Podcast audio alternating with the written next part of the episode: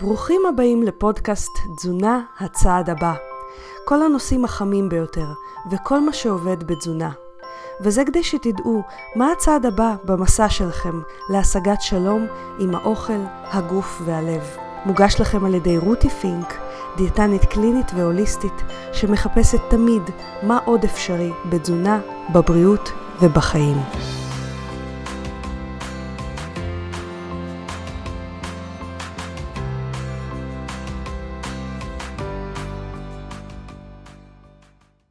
היי חברים, היום יש לי פודקאסט אה, מיוחד שמוכן עבורכם.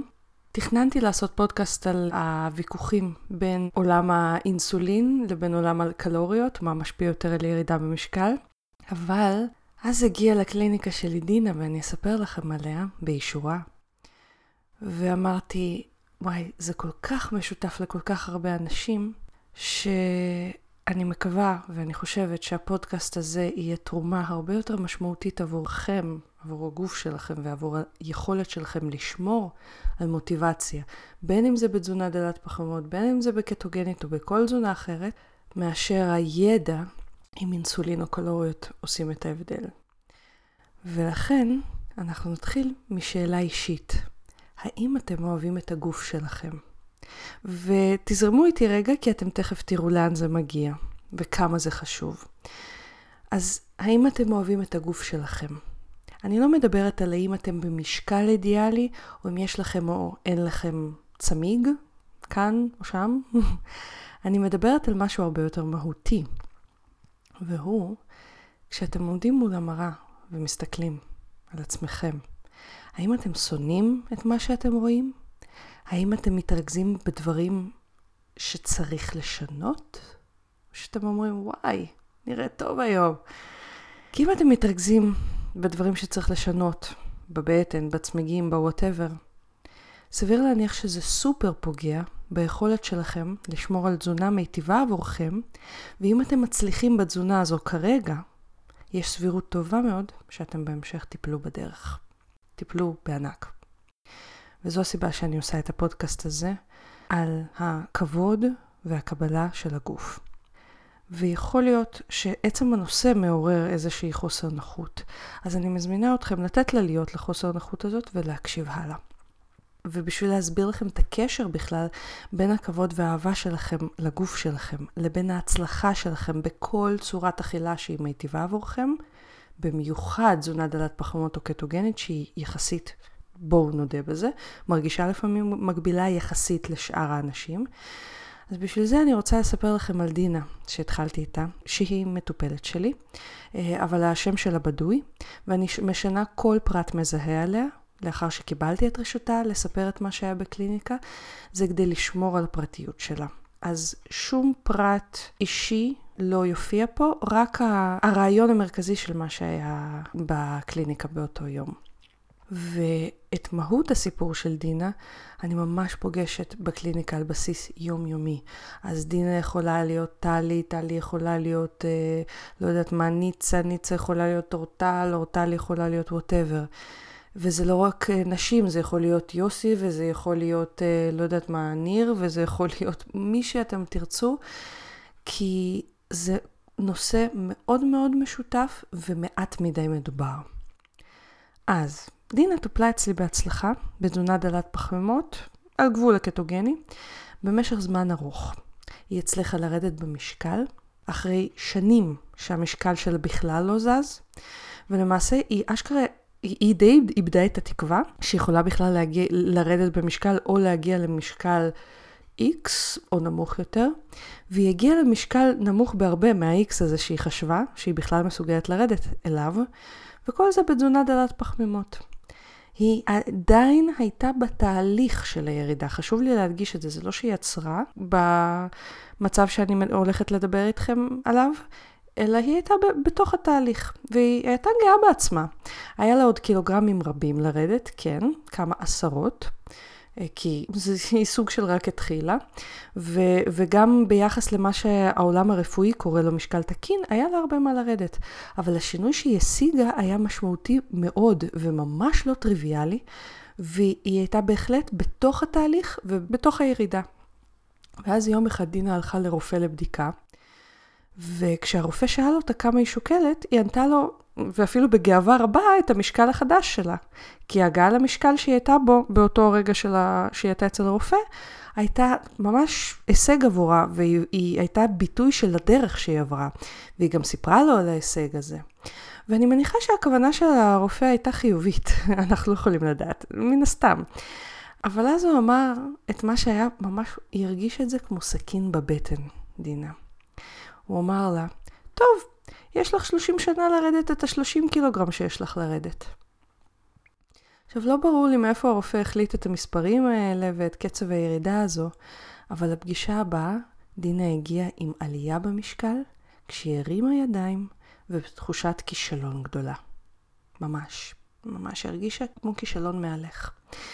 ובמפגש היא סיפרה כמה האמירה של הרופא והצורה שהתייחס אליה פשוט הורידה לה את הרוח מהמפרשים. עכשיו, לאחר תשאול קצר, אנחנו הבנו יחד שמה שקרה שם בחדר של הרופא, היה שדינה ראתה את הפער בין איך שהיא הרגישה, שזה קלה יותר, ערנית יותר ונמרצת, לבין מה שהרגישה שהרופא ראה.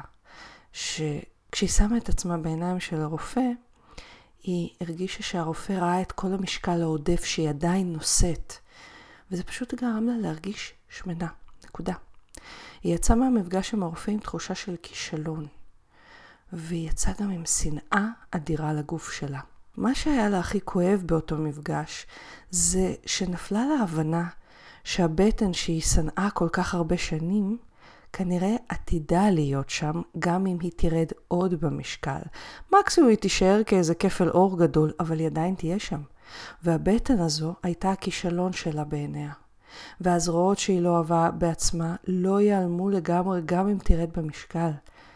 ובמצב כזה, כשהכישלון הזה שלה, הבטן והזרועות, כה נראים לעין, כשהם יישארו שם, היא שאלה את עצמה, למה להתאמץ בכלל?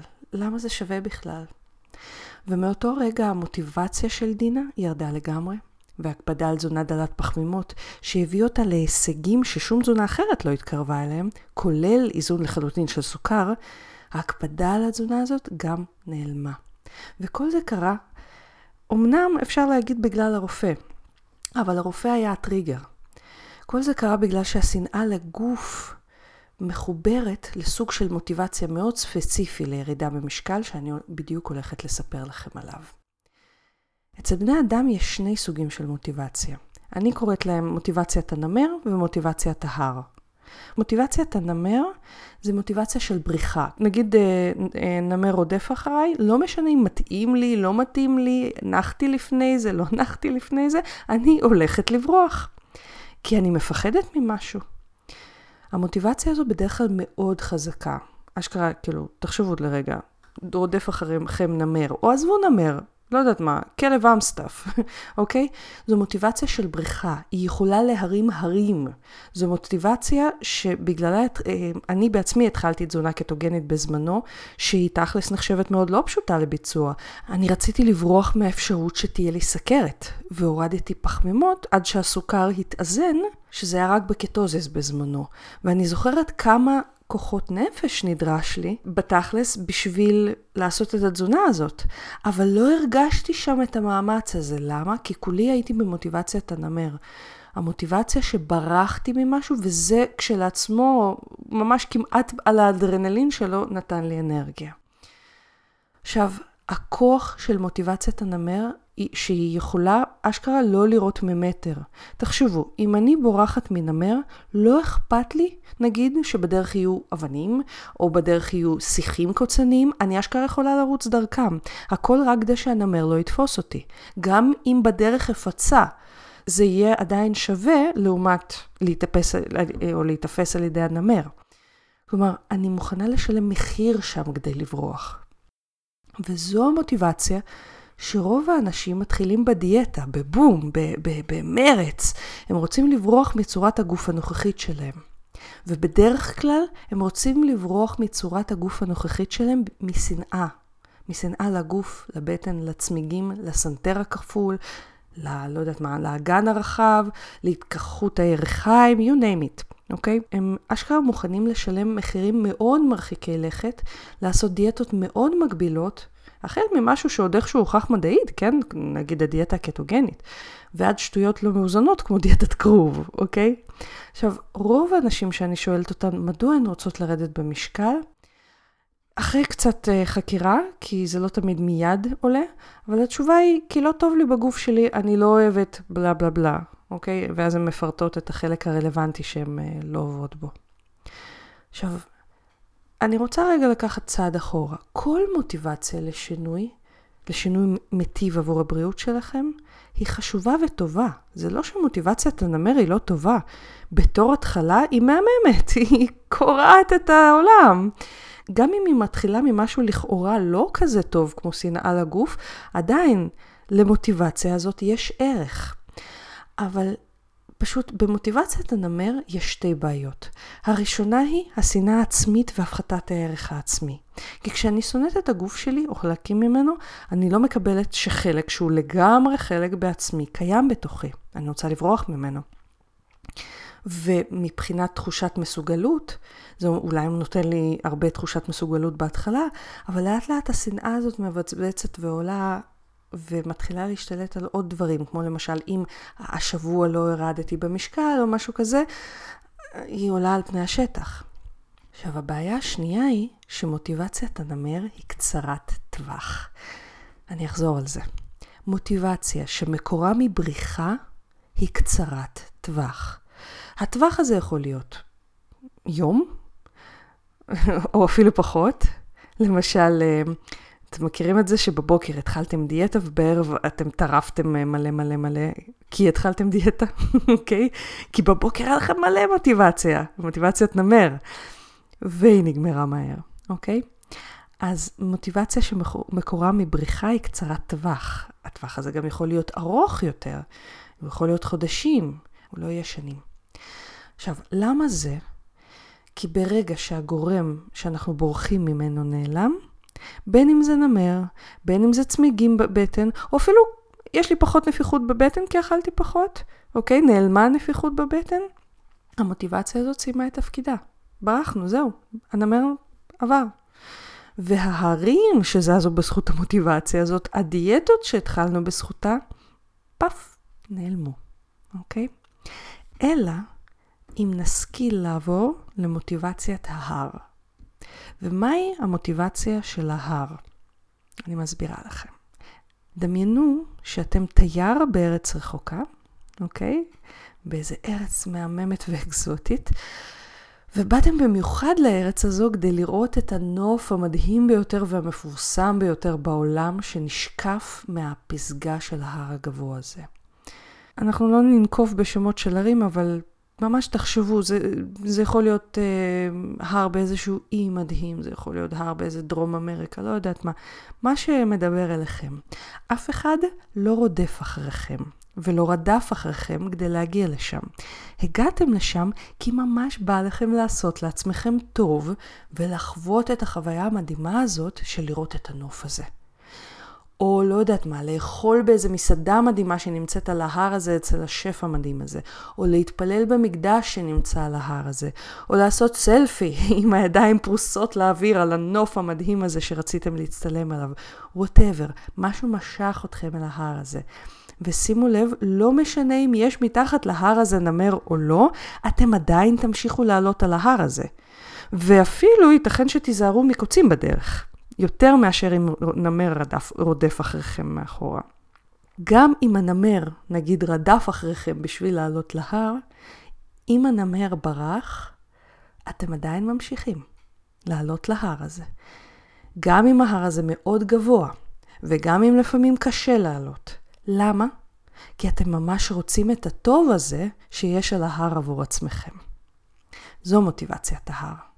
מוטיבציית ההר לא נובעת משנאה או מניסיון לברוח ממשהו שכרגע רודף אחריי או נמצא אצלי. היא מוטיבציה לעשות לעצמי טוב, להיטיב עם עצמי. היא מוטיבציה שנובעת מקבלה וכבוד לעצמי. עכשיו, זו מוטיבציה שלרוב תהיה הרבה יותר מחוברת לערכים שלנו, לליבה שלנו, מה שמניע אותנו באמת. וזו מוטיבציה הרבה יותר שרידה וארוכת טווח ממוטיבציית הנמר. לא משנה איזה דברים המוטיבציה הזאת תפגוש בדרך, אלו מהמורות, הרים ובורות. היא תעזור למחזיק בה להתגבר עליהם מתוך ראייה ברורה של המטרה, ההר, שאליה הוא רוצה להגיע. ורוב האנשים שמתחילים תהליך של ירידה במשקל, הם לא מספיק מחוברים אליה. כי המוטיבציה הזו נשמעת אחרת לגמרי ממוטיבציית הנמר אגב. המוטיבציה הזאת תשמע בערך ככה. אני רוצה לעשות טוב לגוף שלי, אני רוצה להרגיש כלילה, אני רוצה להיות בריאה, אני רוצה לשחק עם הנכדים שלי עד גיל מאוחר. שימו לב, לא מה אני רוצה שיעלם, קילוגרמים, סוכר, ווטאבר, אלא מה אני רוצה שיקרה טוב. אוקיי? רוב האנשים מציינים גם את המוטיבציות האלה של ההר כסיבה לשנות הרגלי אכילה או להגיע לדיאטנית. אבל כשמתשאלים אותם אפילו טיפה, מה שבאמת מתגלה שמניע אותם הוא לא זה. כי זה קיים שם ברקע, וזה, וזה כאילו, ההתייחסות שלהם לזה זה, כן, זה יהיה נחמד, אבל בתכלס, מה שמניע אותם זה מוטיבציית הנמר, ובמיוחד חוסר קבלה של איזשהו חלק בגוף, או חלקים, או, או, או, בגלל של, או בכלל של המספר אה, על הצג. כאילו אכפת להם שיהיה להם טוב, אבל זה לא מספיק מזיז אותם, כי השנאה למה שכרגע קורה מזיזה אותם הרבה יותר חזק. עכשיו, לכל סוג של תזונה, גם אם היא מגבילה יחסית כמו תזונה קטוגנית, וגם אם היא לא, כמו לא יודעת מה, סתם אה, תזונה מערבית דלת קלוריות, לכל סוג של תזונה אפשר לגשת משני סוגי המוטיבציה. אבל אם ניגשים לשינוי תזונתי כלשהו, מתוך שנאה לגוף, אנחנו די קוראים לעצמנו כבר את הבור של הנפילה במוטיבציה. וזה בסדר להתחיל את התהליך שם, אבל לא לחיות על האילוז' שהוא יחזיק מעמד לנצח רק על זה, אוקיי? והדבר היחיד שיכול לעזור לנו לעבור את הבור הזה הוא מוטיבציית ההר. שזה ההסתכלות על התהליך מתוך חמלה לעצמנו ולא מתוך שנאה עצמית. עכשיו שימו לב כמה, ביטו, כמה הביטויים של מוטיבציית ההר קשורים ל, לרצון להיטיב עם עצמנו במקום להעלים חלקים מעצמנו. אני רוצה להיות כלילה, אני רוצה לעשות טוב, טוב לגוף שלי, אני רוצה להיות בריאה, אני רוצה לשחק עם הנכדים עד גיל מאוחר. מה כן, לא מה לא. אבל בדרך למוטיבציה הזו של ההר עומד שומר אחד מאוד מאוד בולט, מאוד מאוד מפחיד אצל רוב האנשים.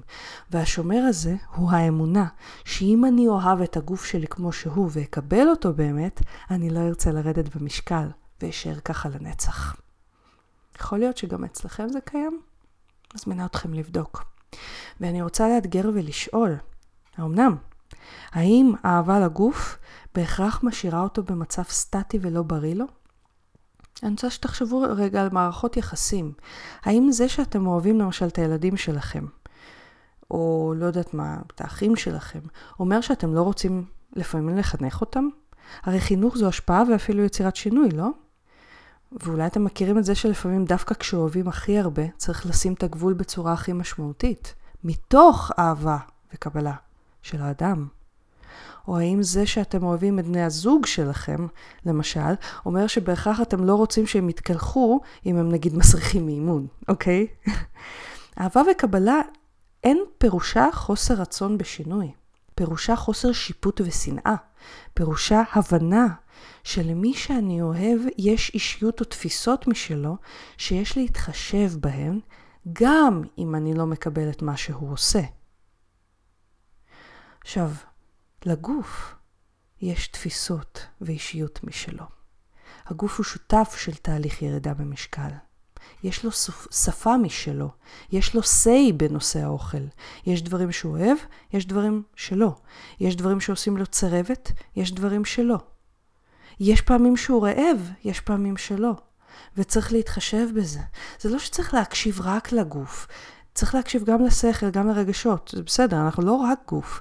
אבל אהבה לגוף, אין פירושה שניתן לגוף כל מה שהוא יבקש. כי זה מה שאנשים בדרך כלל חושבים. אם אני אוכל רק מה שהגוף שלי יבקש, אני אוכל שוקולד כל היום. זה נכון שאם ניתן לו רק ממתקים כל יום, כל היום, זה לא יתרום לו, אין ספק. גם הילדים שלי, אם הם ירצו כל היום רק לראות טלוויזיה, אני אעבוד איתם על זה.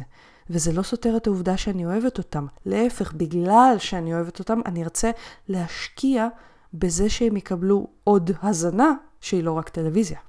אתם מבינים? וזו אגב הסיבה שיצרתי את הקורס, לרזות, לרזות בשפת הגוף, כקורס דיגיטלי הראשון שלי, כדי ליצור אפשרות לכבוד בינכם לבין הגוף, ומשם לצמוח לשינוי מתוך מוטיבציית ההר ולא מתוך מוטיבציית הנמר. וזה כמובן זמן טוב לעבור רגע לפירוט על הקורס, ואני מיד מספרת לכם מה אני ודינה עשינו בפגישה ששינה עבורה את ההסתכלות. היי חברים, אם אתם עושים הכל ולא מצליחים לרדת במשקל, או שמצליחים לרדת במשקל, אבל זה מלווה בתחושת מלחמה ותסכול, יש סיכוי טוב שאתם מתעלמים מהסימנים שהגוף שלכם שולח. הגוף שלכם מאותת לכם כל הזמן האם חסרה לו אנרגיה או שיש לו מספיק.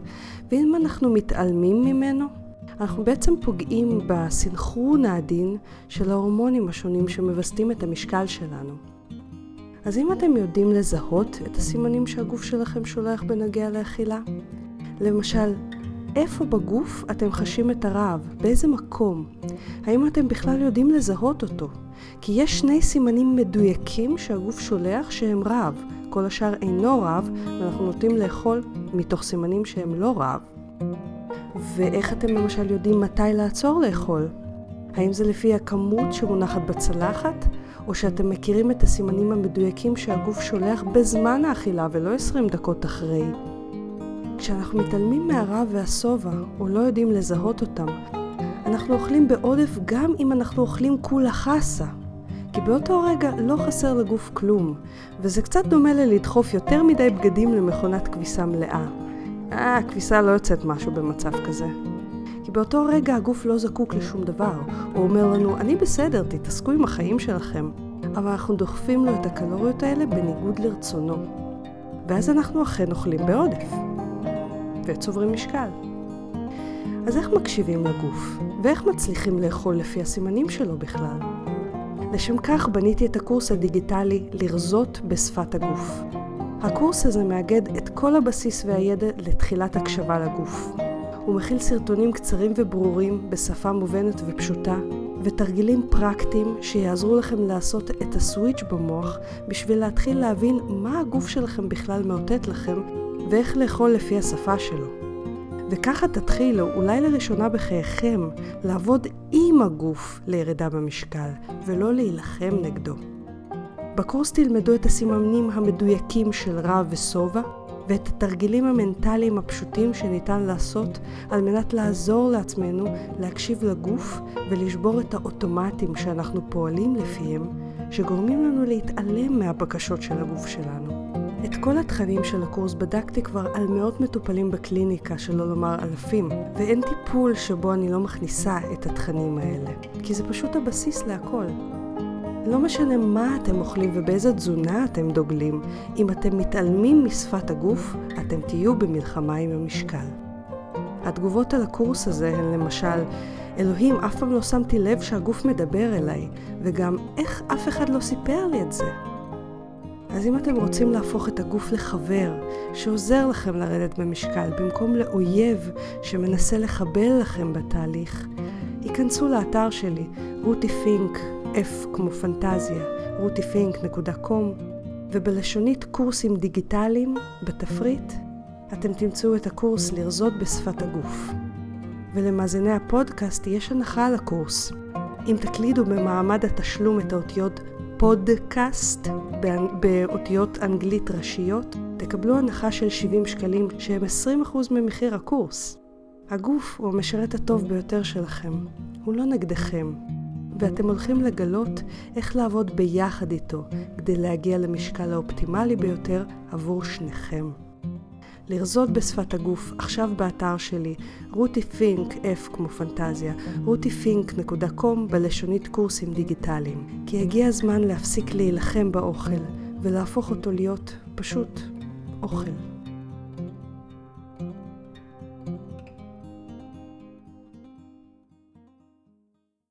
אז אולי אתם סקרנים לדעת מה אני ודינה עשינו בפגישה ההיא, שבה היא הגיעה נטולת מוטיבציה, ויצאה עם תחושה של מצברים מוטענים. מה שעשיתי היה לשאול אותה כמה שאלות שאני מציעה לכם להרהר בהם אם אתם מוצאים את עצמכם שונאים את הגוף שלכם וכל פעם מתחילים מחדש איזושהי דיאטה ואז נכשלים בה ומתחילים שוב. ושאלתי אותה, ותבדקו אם השאלות האלה גם מהדהדות בכם. שאלתי אותה, האם את שונאת כל חלק בגוף שלך, או שיש חלקים שאת אוהבת? והיא ענתה לי שלא את הכל, היא אוהבת חלקים מסוימים שמסיבות של אה, פרטיות אני לא אציין. שאלתי אותה, האם תוכלי להיזכר במצבים שבהם למרות שלא התייחס לגוף שלך בצורה מיטיבה, הוא עדיין היה בעדך, וניסה ככל יכולתו לתמוך בך? והאם יש דברים שאליהם את יכולה להודות לגוף שלך?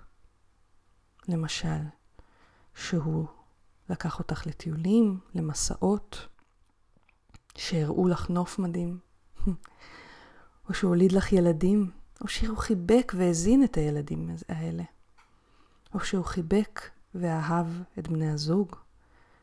האם רכות האזורים שאת לא אוהבת בעצמך בהכרח מראים על כישלון? האם ייתכן למשל שהילדים והנכדים שלך דווקא אוהבים להתחבק איתך ולחוש את הרכות הזאת? כי הרבה פעמים אם תיזכרו, אני מקווה שלכולכם הייתה חוויה כזאת של להיות מחובק על ידי מישהו אוהב, הרבה פעמים זה כלל גם איזושהי רכות פיזית. ושאלתי אותה עוד כמה שאלות, שבהם בדקנו האם הגוף שלה באמת כישלון. ודינה דמעה, כי היא הבינה שהגוף שלה הוא לא כישלון, שהגוף שלה הוא בעדה, ושמגיע לו את הטוב ביותר, את הבריאות, את תחושת הקלילות, את הלשחק עם הנכדים. והיא הבינה שכשהיא מרגישה שהגוף כישלון, היא מפסיקה לפעול לטובתו. היא דווקא דוחפת לו דברים שהוא לא רוצה. ודווקא כשהיא אוהבת את הגוף שלה, היא פועלת לטובתו וזה לא לוקח ממנה הרבה. שזה במקרה שלה בהחלט כולל גם להוריד מהמשקל טובתו. כי זה הגוף שנושא את המשקל, זה לא רק אנחנו. זה, לגוף זה כואב, למפרקים זה עודף. ואני מזמינה אתכם לתת לכל מה שעולה בכם בעקבות הפרק הזה להדהד גם הלאה. ואני אשמח שתשתפו אותי בתובנות שקיבלתם בעקבות הפרק הזה. ואם אתם מרגישים שאתם חוזרים ונופלים, אני מזמינה אתכם ליצור איתי קשר, ואני אעזור לכם להגיע למוטיבציית ההר, מתוך כבוד ואהבה לעצמכם. או כמו שהסיסמה של הקליניקה שלי אומרת, מתוך שלום עם האוכל, הגוף והלב. אז אני מקווה שנהניתם מהפודקאסט היום. אם אתם רוצים להיות בקשר או לשלוח שאלות לפודקאסט, אתם ממש מוזמנים לבקר באתר של הפודקאסט rutifink.com, פינק כמו F כמו פנטזיה, rutifink.com/פודקאסט. אתם גם מוזמנים לחפש אותי ביוטיוב, יש לי ערוץ מלא בסרטונים על תזונה דלת פחמימות וצום לסירוגין, פשוט חפשו רותי פינק ביוטיוב. יש לי גם ערוץ באינסטגרם, פשוט חפשו רותי פינק באנגלית, שוב F כמו פנטזיה. אתם ממש מוזמנים לעקוב אחריי גם בפייסבוק. אתם יכולים לחפש אותי פשוט בעברית, רותי פינק, או להיכנס לאחת משתי הקבוצות שאני מנהלת, דלי פחמימות ישראל, והקבוצה צום לסירוגין עם רותי פינק. ואנחנו נשתמע שבוע הבא. תודה שהקשבתם לפודקאסט תזונה הצעד הבא. אני מקווה שנהניתם. חשוב להדגיש שהמידע בפודקאסט מוענק לצורכי העשרה בלבד, והפודקאסט לא מהווה בשום צורה תחליף לייעוץ או טיפול אישי. בכל בעיה רפואית או נפשית יש לפנות למטפל מוסמך, ואנחנו ניפגש שבוע הבא. ביי.